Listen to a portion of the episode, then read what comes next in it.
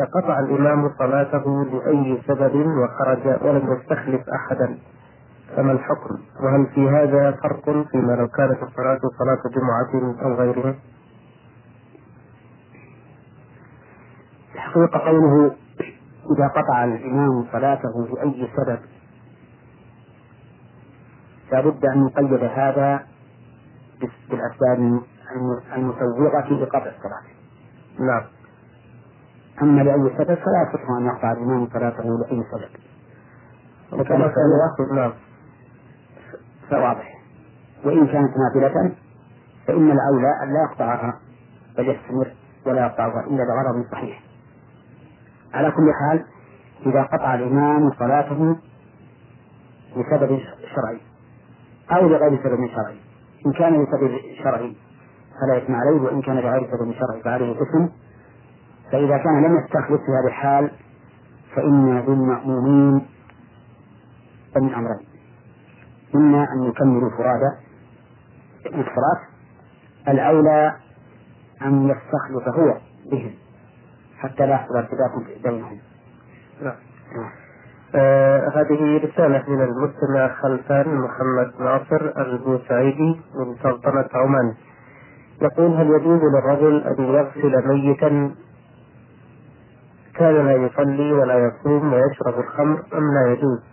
وهل يجوز أن يدفن في مقابر المسلمين وتقام عليه الصلاة؟ لا يجوز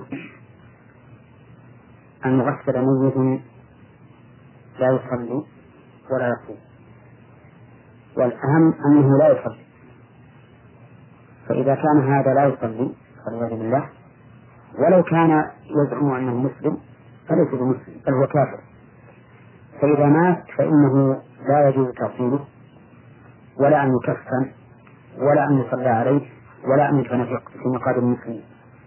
وإنما يغمس في ثيابه في حفرة في مكان بعيد. وذلك لأن الكافر كافر لا يطهره صلاة ولا ولا دعاء. وبهذه المناسبة أود أن أحذر من مات عندهم ميت وهم يعلمون أنه لا يصلي ولم يتب. أحذرهم من أن يتقدموا به إلى مساجد المسلمين ليصلوا عليه ليصلي عليه المسلمين. فإن هذا من إيقاع المسلمين في الإثم. وإن كان من لا يدري لا إثم عليه لكن هم يوقعون الناس في الإثم. لقوله تعالى لرسوله صلى الله عليه وسلم ولا تصلي على أحد منهم مات أبدا ولا تقم على قبره إنهم كفروا بالله ورسوله. فكل كافر فإنه لا يجوز أن يصلى عليه ولا يقام على قبره بالدعاء له. وهذه مسألة يقع فيها بعض الناس. إما صفا على نفسه أو جهلا منهم بالأمر ولكن طاعة الله ورسوله فوق كل اعتبار. فالمؤمن إذا علم أنه لا يجوز أن يصلى على من مات كافرا فإنه إذا مات له ميت وهو يعلم أنه كافر بأي سبب من أسباب التكفير فإنه يجب عليه أن يخشى الله وأن لا يصلي على هذا الميت ولا يقدمه للمسلمين يصلون عليه.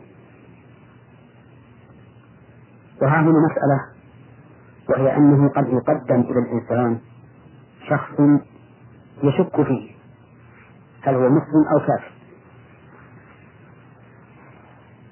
لأنه مثلا تقرر عنده أنه ممن لا يصلي مثلا. فيموت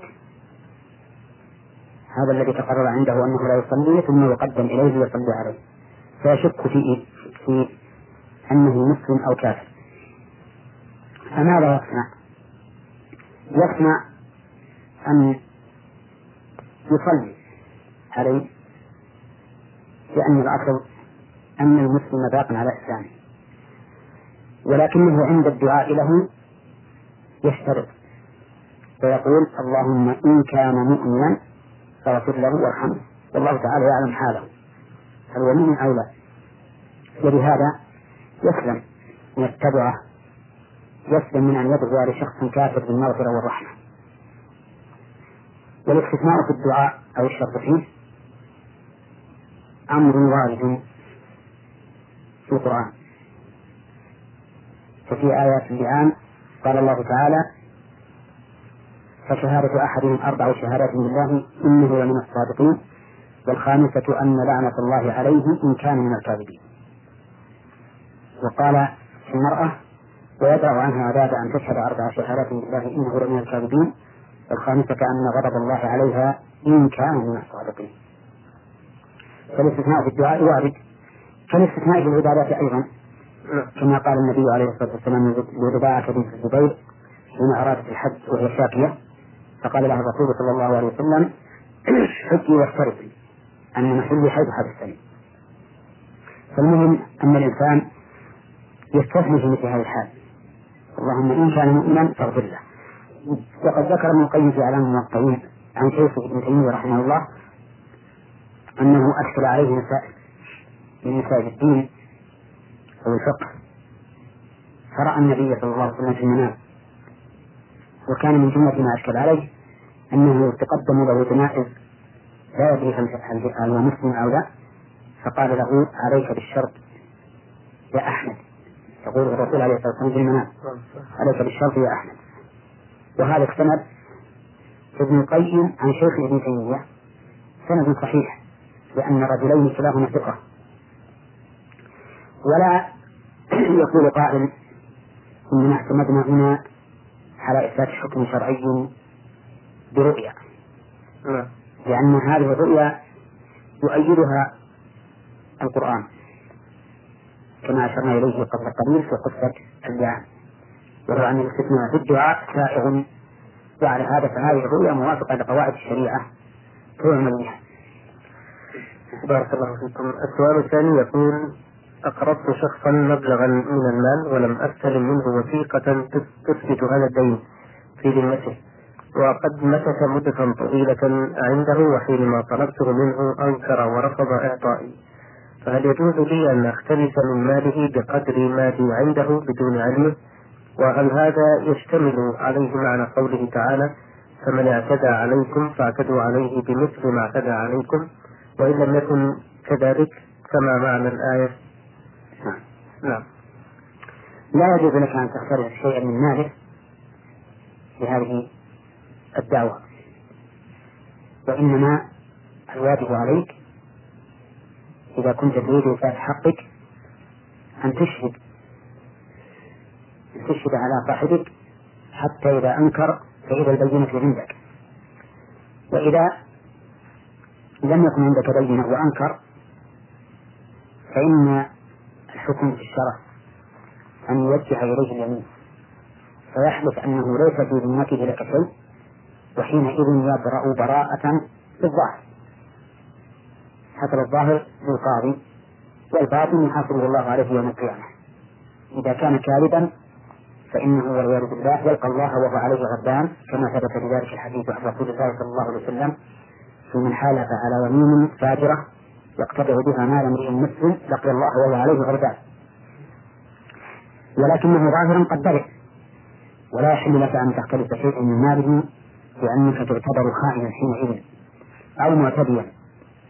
وأما قوله تعالى فمن اعتدى عليه فاعتدوا عليه فهذا في الحقوق التي لا يبرأ منها من أنكرها أما هذا الرجل فإنه برئ منها بإنكارها وتوجيه اليمين عليه. وحينئذ إذا حلف فليس فليس لك عليه حق في الدنيا أما في الآخرة فلك الحق. ثم الآية الكريمة فمن أعتدى عليه فاعتدوا عليه. ظاهرة في العدوان البين أن هذا فليس هناك عدوان بين لأن الأمر بينك وبينه. فلا يمكن أن نسلطك على ماله مع أن الشرع قد حكم ببراءته ظاهرا. سؤاله الأخير يقول هل يجوز التحدث عن أناس يرتكبون المحرمات والفواحش في غيابهم بغرض التحذير منهم ومن شرهم ولا يكون هذا داخلا في الغيبة المحرمة؟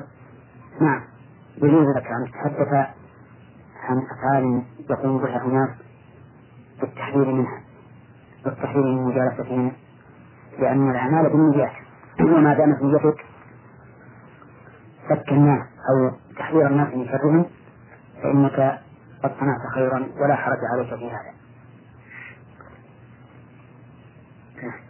آه، الغيبة المحرمة ما هي؟ الغيبة المحرمة كما قال النبي عليه الصلاة والسلام ذكرك أخاك بما يكره. نعم. فكل شيء تذكر به أخاك وهو مما يكرهه إما في خلقه أو خلقه أو دينه فإنه من الغيبة. في حالة غيابه نعم.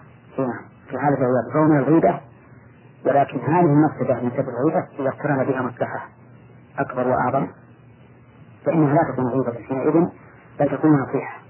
نعم. آه هذه رسالة من المستمعة انشراح يوسف جمهورية مصر العربية تقول لقد توفي جدي لأبي وترك أربعة أبناء منهم والدي وأربع بنات وكانت كل تركته بيد ابنه الأكبر من أموال نقدية وأراض زراعية ومواشي. وقد توفي والدي فقام كل واحد من أعمامي بأخذ نصيبه من أخيه الأكبر إلا أبي لم يسلموا إلي نصيبه فأنا ابنته الوحيدة فليس لي إخوة ولا أخوات. فهل لي الحق في مطالبته بحق أبي من جدي أم لا؟ الجواب هو أن لك الحق في أن تطالبي بنصيبه من أبيك الذي ورثه من جدك لأنك مستحقة لما تستحقون منه.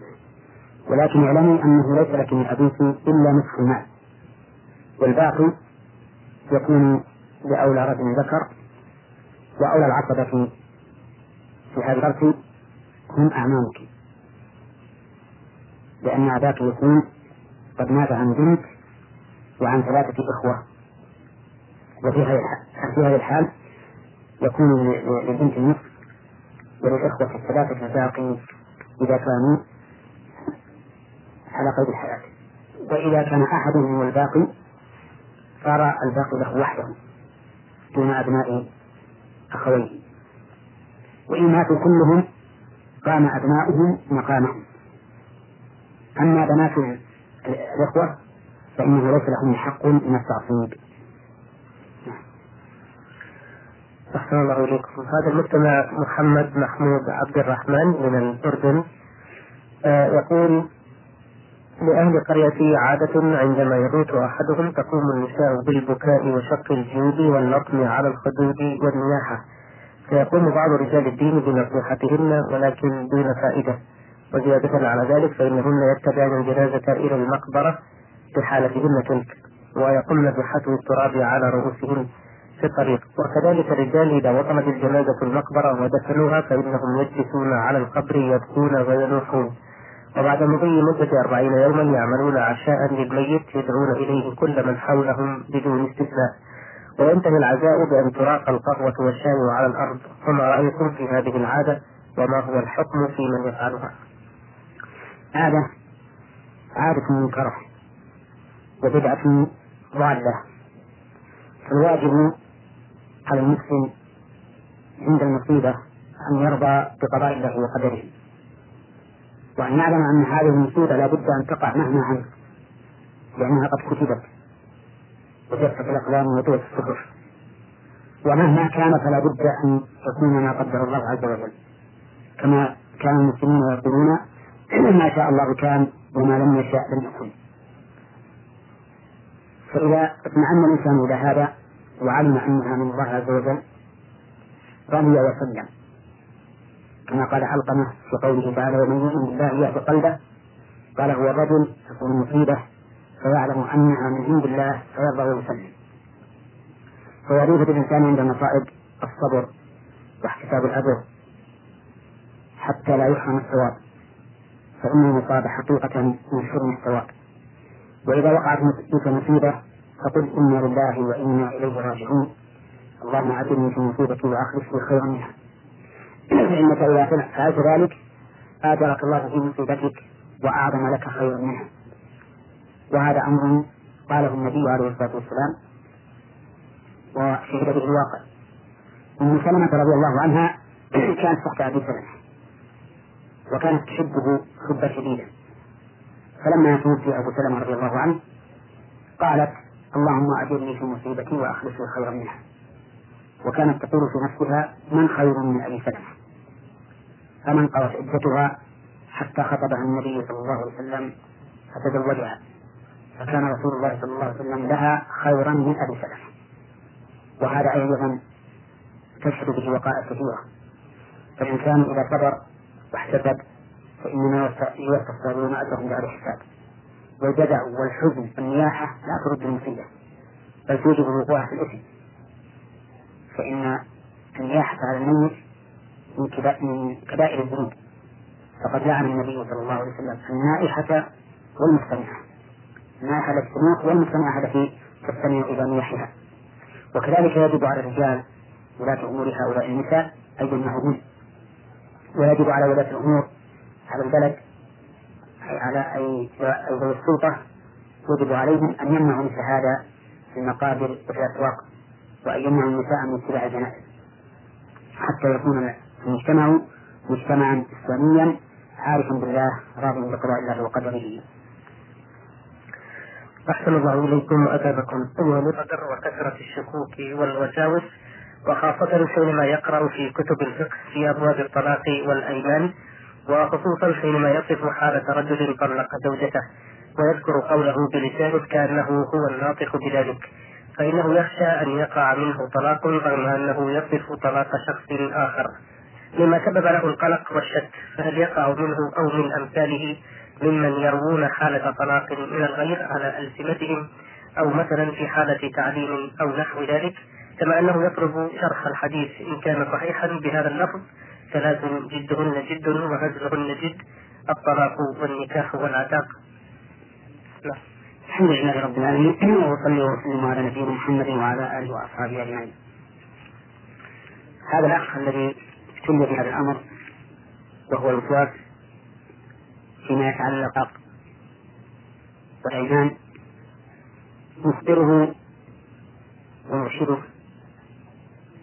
إلى أن هذا الأمر الذي يقع منه قد ابتلى به بعض الناس وهو كثير.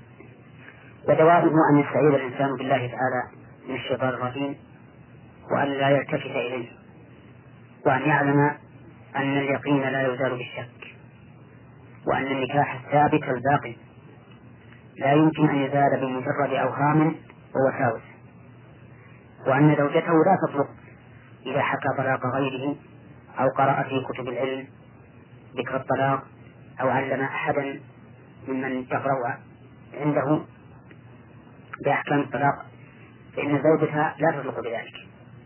بل إنه إذا غلب عليه حتى لفظ بالطلاق مغلوبا عليه بدون قصد ولا إرادة فإنه لا يقع منه الطلاق في هذه الحال. فإن بعض المؤسسين في هذا الأمر يجد من نفسه ضيقا عظيما وحرجا شديدا حتى ينطق بالطلاق بدون إرادة وبدون قصد. فمثل هذا لا يقع طلاقه. إنما يقع الطلاق إذا أراده الإنسان إرادة حقا وكتبه بيده أو نطق به بلسانه مريدا له غير ملجأ إليه ولا مغلق عليه فكره حينئذ فهذا هو الذي يقع عليه الطلاق. ولهذا ذهب بعض العلم إلى أن الموسوس لا يقع طلاقه وعلى كل حال فإن دواء هذا الوسواس الذي أصاب الأخ السائل وربما أصاب غيره كثيرا دواؤه أن لا يجد الإنسان إليه وأن لا يهتم به وأن يعلم إذا أنه إذا حكى طلاق غيره أو قرأ في الفقه باب الطلاق أو درس طلبة في باب الطلاق فإنه لا تطلق زوجته إذا قال مثل أنت طالق يريد أن يمثل به في الطلبة أو نحو ذلك. ونصيحتي لهذا وأمثاله أن لا يلتفتوا إلى هذه الوساوس أبدا. والشيطان يجري من ابن آدم مجرى الدم. ويدخل عليه وساوس في أمور مسألة الطلاق ومسألة الصلاة بل حتى مسألة الإيمان بالله سبحانه وتعالى. ودواء ذلك أن يستعيذ بالله من هذا الأمر. وأن ينتهي ويعرض عنه ويلهو عنه. وهو بحول الله سيزول وقد جرب ذلك كثير من الناس. فانتفعوا حينما كانوا يستعيذون بالله من الشيطان الرجيم عند إصابتهم بهذا وينتهون عما يوسوسون به. فرأوا من ذلك فائدة عظيمة لأن رسول الله صلى الله عليه وسلم أمر الصحابة بمثل هذا حين شكوا إليه أنهم يجدون في نفوسهم ما لو خر أحدهم من السماء لكان أحب إليه من أن ينطق به. أو لو كان حينما شحنة محترقة لكان أحب إليه مما ينطق به فأرشدهم إلى ذلك صلى الله عليه وسلم. اللهم صل على محمد. آه والحديث الذي ذكره ماذا عن صحته؟ أما الحديث الذي ذكره فهو صحيح. نعم. فإن الطلاق والنكاح والعتق حسب جد. فمن عقد النكاح و... وقال أنا هازل فإنه لا يقبل قوله هذا لأنه عقده وأراده وثبوت الحكم عند الله عز وجل. وكذلك من طلق ولو كان هازلا فإن طلاقه وقع. ما دام أراد الطلاق فلو كان يمازح زوجته فقال لها أنت طالق وهو يمازحها فإنها تطلق بذلك. وبهذا نرى أنه يجب على الإنسان أن يحترز مثل هذه الأمور. وأن لا يتلاعب بالطلاق بالنسبة لعقد النكاح آه، هل تمثلون بمثال لانعقاده بحالة مثلا هزل؟ ممكن. نعم. ممكن أن يكون بعض الناس مثلا يمزح مع واحد فيقول مثلا أنا أريد أن تزوجني بنتك وما شابه ذلك أو يقول له مثلا لا أنا أنا عندي لست بالكفر ما ما زوجا. فيقول لا أنا أزوجك ويمزح عليه ويقول زوجتك فيقول خليفتك وهذا ربما يقع نعم. فإذا حصل هذا الشيء انعقد النكاح انعقد لابد أن يكون من من ولي الفتاة نفسها أي نعم لابد أن يكون من وليها وأن يكون عند من يشترط الإشهاد أن يكون بحضور الشهود. نعم. بارك الله فيك. وأما الوعد المجرد فهذا لا ينعقد به النكاح إذا نقول سأزوجك بنتي أو انتظر حتى تكبر أو ما أشبه ذلك. فهذا لا ينعقد به النكاح لأنه وعد. نعم. نعم. آه هذه رسالة من المستمع عين ميم عين مصري يعمل بجدة. يقول أنا شاب في الرابعة والثلاثين من عمري متزوج منذ خمس سنوات ولي طفلان والحمد لله. وقد وقعت في أخطاء كثيرة في شبابي وأذن الله لي بالتوبة الصادقة والحمد لله وهداني إلى طريقه القويم. وزادني الله هداية والحمد لله بعد أن من علي بنعمة الزواج والذرية. أجاهد الآن بعون الله في الاستمرار والاستزادة على طريق الله عز وجل ورسوله الكريم صلى الله عليه وسلم. وما يقلقني الآن وينغض علي حياتي وخاصة أثناء أدائي لأي شعيرة أو فريضة أو حتى نافلة هو تذكري الدائم والمستمر ما وقعت فيه من أخطاء أثناء شبابي. وخاصة أنني قد دخلت في أخطاء هي من أكبر الكبائر. وسؤالي هو أليس هناك من سبيل بعد أن تبت إلى الله توبة صادقة إلى راحة إلى إراحة نفسي من آلامها الموجعة؟ كلما تذكرت تلك الخطايا وخاصة الكبائر منها إنني أفكر في طريقة ربما تساعدني على نسيان هذه الخطايا ولكن تحتاج إلى فتوى منكم. وهذه الطريقة تتلخص في إقامة الحد الشرعي على نفسي فيما ارتكبته من كبائر فهل يلزمني هذا وكيف السبيل إلى ذلك علما أن بعضها قد تكرر أكثر من مرة في الزمن الذي أشرت إليكم به؟ أرجو إرشادي إلى عمل يريحني ويطمئنني إلى قبول توبتي الصادقة. هذه التوبة هي في الحقيقة توبة صادقة فإن هذا الندم العظيم الذي جرى منك والإقلاع الذي حصل هو حقيقة التوبة. ولا سيما وأنت والحمد لله حسب ما وصفت عن نفسك. الآن ملتزم بطاعة الله سبحانه وتعالى حريص على فعل الخير والانكفاف عن الشر. فأنت الآن قد تفت حسب ما وصفت عن حالك. توبة نرجو من الله سبحانه وتعالى أن يتقبلها منك. وثق يا أخي بأنك ما دمت على هذا ما دمت على هذا الوقت فإن جميع ما سلف قد محاه الله عز وجل. فإن الله يقول والذين لا يدعون مع الله إلها آخر ولا يقتلون النفس التي حرم الله إلا بالحق ولا يزنون ومن يفعل ذلك يلقى أثاما يضاعف له يلقى أثاما يضاعف له العذاب يوم القيامة ويخرج فيه مهانا إلا من تاب وآمن وعمل عملا صالحا فأولئك يبدل الله سيئاتهم حسنات وكان الله غفورا رحيما. ومن تاب وعمل صالحا فإنه يتوب إلى الله متابا. فأنت بحلة ممن يبدل الله سيئاتهم حسنات ما دمت قد صدقت في توبتك وندمت هذا الندم العظيم. ولا تلتفت إلى ما سبق. بل إن إن التفت إليه فلا تلتفت على أنه أمر لم يظهر. فإن الله يقول قل يا عبادي الذين أسرفوا على أنفسهم لا تقنطوا من رحمة الله. إن الله يغفر الذنوب جميعا. إنه هو الغفور الرحيم. ولكن تنظر إليه على أنه ذنب وقع منك. فتشكر الله سبحانه وتعالى على هدايته إياك. أن أقلعت عنه. وتزداد استغفارا وتوبة وتمسكا بما عليه من الحق والله أعلم بارك الله فيكم. هذا السائل عامر أحمد محمد من مكة المكرمة. يقول في يوم الجمعة دخلت المسجد للصلاة وقام الإمام يخطب ودخل المسجد واحد من المصلين فصلى تحية المسجد ثم جلس بجانبي وسلم علي باليد مصافحا والإمام يخطب. هل من حقي أن أصافحه باليد وأرد السلام عليه أو أعمل بحديث الرسول صلى الله عليه وسلم. من مس الحصى فقد لغى ومن لغى فلا جمعة له. فقد أومأت له برأسي بعد أن فرغ الإمام من الخطبة سلمت عليه واعتذرت منه وأخبرته بالحديث. فهل الحديث صحيح أم ضعيف؟ وهل الحق معي فيما فعلت؟ الإنسان إذا جاء والإمام يخطب يوم الجمعة فإنه يصلي ركعتين خفيفتين. دخل وجلس قل فصلي ركعتين. وله أن يقول لمن يتردد بين الصفوف أو يتخطى الرقاب اجلس فقد عليك. وله أيضا أن يتكلم مع من يصلح جهاز مكبر الصوت إذا حصل فيه عطل. أو يتكلم مع إنسان ليفتح الشبابيك إذا حصل على الناس غم وضيق تنفس. أو ما أشبه ذلك. المهم أن الخطيب له أن يكلم من شاء للمصلحة. أو للحاجة. وكذلك لغيره أن يكلمه للمصلحة أو للحاجة. نعم. نعم. آه هذه رسالة من المستمع إبراهيم محمد. آه بعث بعدة أسئلة. يقول في سؤاله الأول كيف تقدر مدة المسح على الخفين؟ أهي بالساعات أم بالفروض؟ وكيف ذلك بالنسبة للمسافر والمقيم؟ وهل تقاس عليها العمامة التي تربط على الرأس بإحكام؟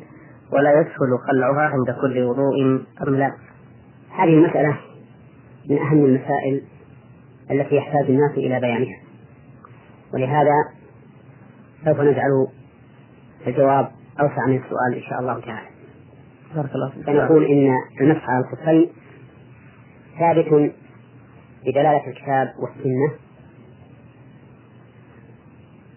أما الكتاب فهو من قوله تعالى يا أيها الذين آمنوا إذا قمتم إلى الصلاة فاغسلوا وجوهكم وأيديكم إلى المرافق وامسحوا برؤوسكم وأرجلكم إلى الكعبين. أرجلكم بكف لا فتكون معطوفة على قوله برؤوسكم. فتدخل في ضمن الممسوح. والقراءة التي يقرأها الناس في المصاحف فامسحوا برؤوسكم وأرجلكم بفتح اللام فهي معطوفة على الوجه على وجوه على وجوهكم. لا فتكون من ضمن المغسول وحينئذ فالأرجل بناء على القراءتين إما أن تغسل وإما أن تمسح. وقد بينت السنة متى يكون الغسل ومتى يكون المسح. يكون الغسل حين تكون القدم مكشوفة ويكون المسح حين تكون مستورة بالخف ونحوه. لا. أما السنة فقد تواتر عن النبي صلى الله عليه وسلم المسح على الخفين وعده أهل العلم من المتواتر. كما قال من نظم ذلك مما تواتر حديث من كذب ومن بنى لله بيتا واحتب ورؤية شفاعة والحوض ومسح الخفين وهذه بعض. فمسح الخفين مما تواترت به الأحاديث عن النبي صلى الله عليه وسلم. والمسح على الخفين إذا كان الإنسان قد لبسهما على طهارة أفضل من خلعهما وغسل الرجل. ولهذا لما أراد المغيرة بن شعبة رضي الله عنه أن ينزع خفي رسول الله صلى الله عليه وسلم عند وضوئه قال له دعهما فإني أدخلتهما طاهرتين. ثم مسح عليهما. وللمسح على الخفين شروط. الشرط الأول أن يلبسهما على طهارة. على طهارة كاملة من الحدث الأصغر والأكبر. نعم. فإن لبسهما على غير طهارة فإنه لا يصح المسح عليهما. والشرط الثاني أن يكون المسح في مدة المسح كما سيأتي بيان المدة إن شاء الله تعالى. والشرط الثالث أن يكون المسح في الطهارة الصورة أي في الوضوء. أما إذا صار على الإنسان غسل فإنه يجب عليه أن يخلع الخفين ليغسل جميع بدنه. ولهذا لا مسح لا مسح على الخفين في الجنابة. كما في حديث صفوان بن عفان رضي الله عنه. هذه الشروط الثلاثة من شروط المسح جواز المسح على الخفين أما المدة فإنها يوم وليلة للمقيم وثلاثة أيام إلى يليها للمسافر ولا عبرة بعدد الصلوات بل العبرة بالزمن. الرسول عليه الصلاة والسلام وقتها يوما وليلة للمقيم وثلاثة أيام إلى يليها للمسافر واليوم والليلة هو أربع وعشرون ساعة. وثلاثة الأيام إلى يليها اثنتان وسبعون ساعة. نعم. لكن متى تبتدئ هذه المدة؟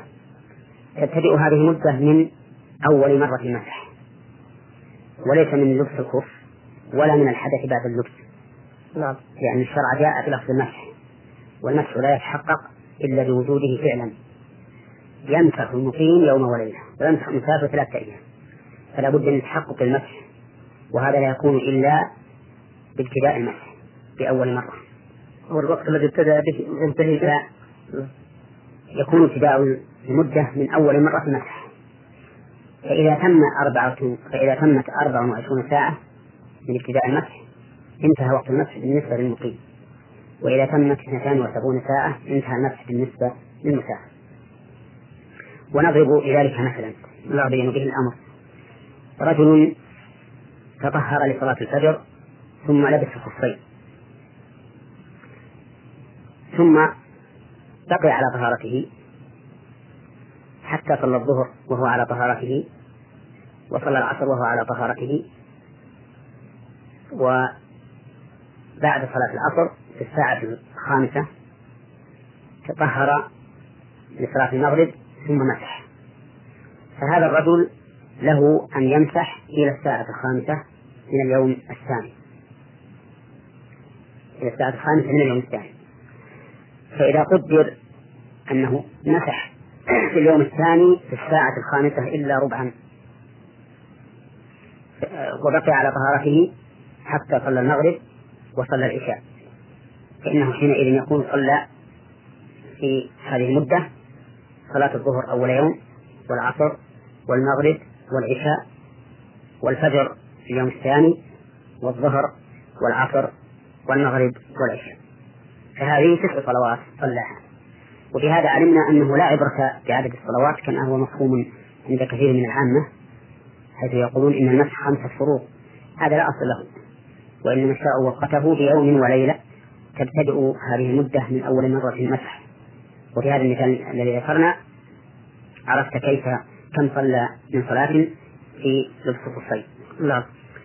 وبهذا المثال الذي ذكرناه تبين أنه إذا تمت مدة المسح فإنه لا يمسح بعد هذه المدة.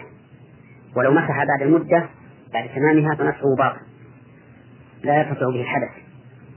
لكن لو مسح قبل أن تتم المدة ثم استمر على طهارته بعد تمام المدة فإن وضوءه لا ينتقض بل يبقى على طهارته حتى يوجد ناقض من نواقض الوضوء. نعم. فهذا المثال الذي ذكرنا ذكرنا أنه مسح في اليوم الثاني في الساعة الخامسة إلا ربعا أي قبل تمام المدة بربع ساعة ثم بقي على طهارته إلى المغرب وإلى العشاء فيصلي المغرب والعشاء بطهارته وذلك لأن القول بأن الوضوء ينتقض بتمام المدة أي بتمام مدة المسح قول لا دليل له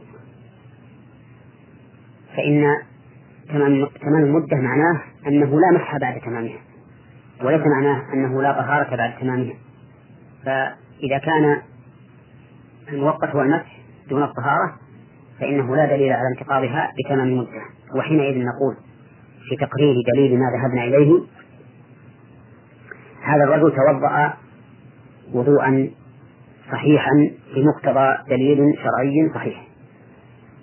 وإذا كان كذلك فإنه لا يمكن أن نقول بانتقاض هذا الوضوء إلا بدليل شرعي صحيح ولا دليل على أنه ينتقض بتمام المدة وحينئذ فتبقى طهارته حتى يوجد ناقض من نواقض الوضوء التي ثبتت بالكتاب أو السنة.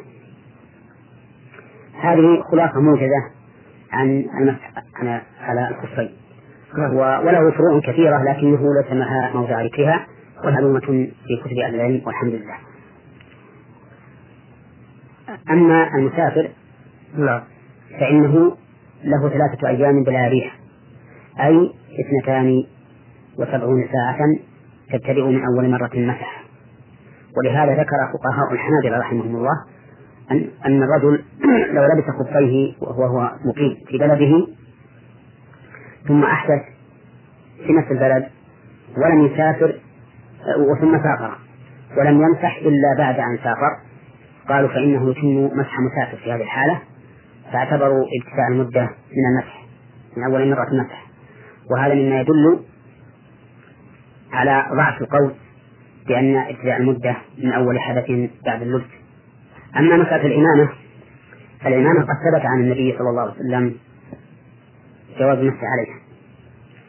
وهي من حيث النظر أولى بالمسح من الخفين. لأنها ملبوسة على ممسوح فهي أصلا طهارة هذا العضو وهو الرأس أخف من طهارة الرجلين لأن طهارته تكون بالمسح. فالفرع عنه وهي الإمامة يكون كذلك بالمسح. ولكن هل يشترط فيها ما يشترط في الخف بأن يلبسها على طهارة؟ وتتقيد مدتها بيوم وليلة للمقيم وثلاثة أيام إلى يليها للمسافر أو أن المسح عليها مطلق متى كانت على الرأس مسحها سواء لبسها على طهارة وبدون توقيت إلا أنه في الحدث الأكبر لا يمسح عليها لأنه لا بد من الغسل بجميع البدن. هذا فيه خلاف بين أهل العلم والذين قالوا بأنه لا يشترط لبسها على طهارة ولا مدة لها قالوا لأنه ليس في ذلك دليل عن النبي صلى الله عليه وسلم. وقياسين على ما يقولون قياس مع سابق لأن الخفين لبس على عضو موصول. طهارته لا بد الغسل فيها. وأما هذه فقد لبست على عضو ممسوح طهارته أخف. فلهذا لا يشترط للبسها طهارة ولا توقيت لها. ولكن لا شك أن الاحتياط أولى والأمر في هذا سهل. فإنه ينبغي أن لا يلبسها إلا على طهارة وأن يخلعها إذا تمت مدة المسح ويمسح رأسه رأسه ثم يعيدها. آه، ما هي الأشياء التي تبطل مدة آه، المسح على الخفين أو على العمامة غير انتهاء المدة؟ يبطل المسح أيضا خلع الخف. نعم. إذا خلع الخف بطل المسح. في أي وقت كان نعم. في أي وقت كان لكن الطهارة باقية. الطهارة باقية. ودليل كون خلع الخف يبطل المسح حديث صهوان بن عسال أمرنا أمرنا رسول الله صلى الله عليه وسلم ألا ننزع خفافنا. فدل هذا على أن النزع يبطل المسح. فإذا نزع الإنسان خفه بعد مسحه بطل المسح عليه بمعنى أنه لا يعيد لبسه فيمسح عليه إلا بعد أن يتوضأ وضوءا كاملا يغسل فيه الرجلين. وأما طهارته إذا خلعه فإنها باقية. فالطهارة لا تنتقض بخلع الممسوح.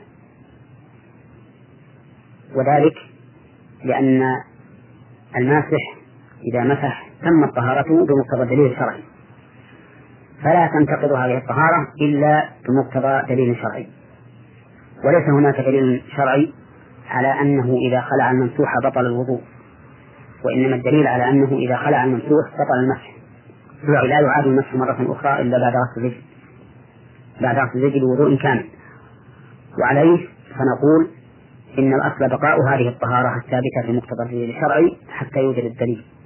وإذا لم يكن دليل فإنه فإن الوضوء يبقى غير منتقل. وهذا هو القول الراجح عندنا. جزاكم الله خير الجزاء. أيها المستمع محمد صالح عبد الله من حائل يقول في سؤاله الأول ما حكم التسمية بأسماء هي من أسماء الله أو صفاته؟ كمثل رؤوف وعزيز وجبار ونحو ذلك. هل يجوز مثل هذه التسمية أم يجب تغييرها في من تسمى بها؟ الحمد لله رب العالمين وأصلي وأسلم على نبينا محمد وعلى آله وصحبه أجمعين. التسمي بأسماء الله عز وجل يكون على وجهين. الوجه الأول أن يحل بأل أو يقصد باسم ما دل عليه من صفة. ففي هذه الحال لا يسمى به غير الله. كما لو سميت أحدا بالعزيز والسيد والحكيم وما أشبه ذلك فإن هذا لا يسمى به غير الله لأن ال هذه تدل على لمح الأصل. وهو المعنى الذي تضمنه هذا الاسم. وكذلك إذا قصد بالاسم وإن لم يكن محلا بأل إذا قصد بالاسم معنى الصفة فإنه لا يسمى به. ولهذا غير النبي صلى الله عليه وسلم كنية للحكم الذي تكلنا بها التي تكلنا بها لأن أصحابه يتحاكمون إليه. فقال النبي عليه الصلاة والسلام إن الله هو الحكم وإليه الحكم. ثم كناه لأكبر أولاده شريح كناه لأبي شريح. فدل ذلك على أنه إذا تسمى أحد باسم من أسماء الله ملاحظا بذلك معنى الصفة التي تضمنها هذا الاسم فإنه يمنع. لأن هذه التسمية تكون مطابقة تماما لأسماء الله سبحانه وتعالى. نعم. أما الوجه الثاني فهو أن يتسمى باسم غير محل بأل ولا مقصود ولا مقصود به معنى الصفة. فهذا لا بأس به. مثل الحكم حكيم ومن أسماء بعض الصحابة حكيم بن حزام الذي قال له النبي عليه الصلاة والسلام لا تبع ما ليس عندك.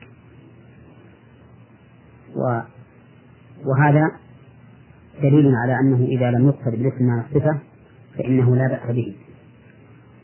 لكن في مثل جبار لا ينبغي أن يتسمى به. وإن كان لم يلاحظ الصفة وذلك لأنه قد يؤثر في نفس المسمى فيكون معه جبروت وغلو واستكبار على الخلق. فمثل هذه الأشياء التي قد تؤثر على صاحبها ينبغي للإنسان أن يتجنبها. والله أعلم.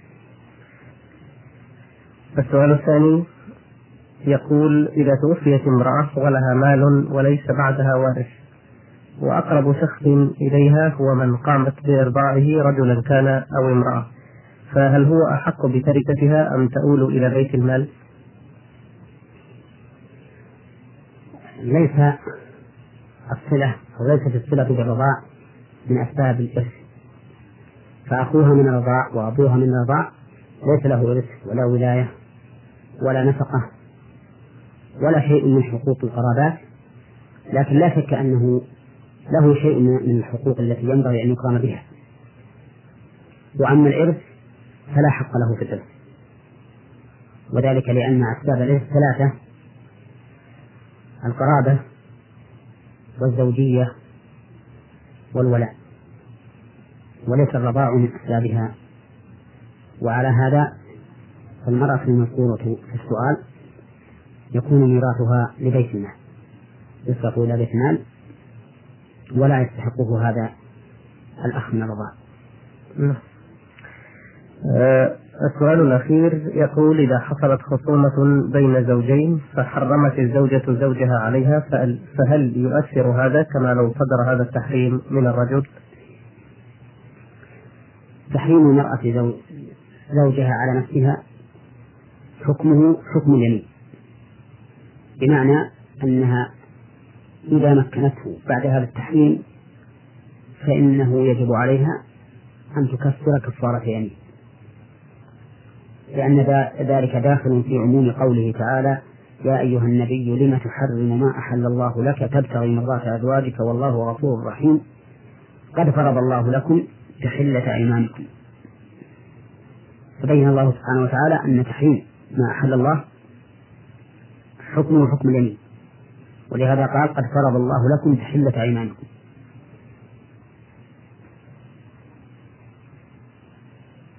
ولأن الله تعالى ذكر كفارة اليمين بعد أن أمر بالأكل من الطيبات. بل بل بعد أن نهى عن تحريم ما أحل الله. قال تعالى يا أيها الذين آمنوا لا تحرموا طيبات ما أحل الله لكم ولا تعتدوا إن الله لا يحب المعتدين. وكلوا مما رزقكم الله حلالا طيبا واتقوا الله الذي أنتم به مؤمنون. لا يؤاخذكم الله باللغو في أيمانكم إلى آخره. فدل هذا على أن تحريم الطيبات أن حكمه حكم اليمين فتحريم المرأة زوجها من هذا الباب. يجب عليها حكم يجب عليها كفارة يمين. كفارة اليمين هي إطعام عشرة مساكين أو كسوتهم أو تحرير رقبة فمن لم يجد فصيام ثلاثة أيام متتابعة. وإطعام عشرة مساكين على وجهين إما أن يصنع طعاما غداء أو عشاء فيدعوهم إليه حتى يأكلوا وإما أن أن يعطيهم أن يعطيهم حبا. ستة كيلوات من الرز. ويحسن أن يجعل معها شيئا من اللحم يكون إيداما لها ليتم بذلك الإطعام. نعم. آه، هل يلزم أن تطعم هي من نفقتها الخاصة أو لو أطعم زوجها عنها لا بأس بذلك؟ نعم لا بأس أن يطعم عنها زوجها بإذنها فإذا أذنت له أو استأذنت منه أن تطعم من ماله فأطعمت فلا حرج. نعم. جزاكم الله خيرا. هذا المستمع أحمد سعد جايد من الحيدري يمني مقيم بجدة. يقول توفي والدي يرحمه الله وكان قد أوصى في حياته أن يؤدى عنه الحج وخصص قطعة أرض من أملاكه لمن يحج عنه. وبعد أن بلغنا سن الرشد أنا وأخي قدمنا إلى هنا في المملكة للعمل واتفقنا مع شخص أن يحج عن والدنا مقابل مبلغ ألفين ريال. ولم ندفع إليه قطعة الأرض التي جعلها والدي لمن يحج عنه. فهل الحج صحيح؟ وهل علينا شيء في ذلك؟ هذا الأب الذي بهذه القطعة من حربها عنه. يجب صرفها جميعا في الحج إذا كانت من الثلث فأقل. وإن كانت أكثر من الثلث فما زاد عن الثلث فأنتم فيه بالخيار. لكن إذا علمتم أن مقصود والدكم هو الحج فقط أي أن مقصودها أن يؤتى له بحجه وأنه عين هذا هذه الأرض من أجل التوثق فإنه لا حرج عليكم أن تعطوا دراهم يحج دراهم يحج بها وتبقى هذه الأرض لكم.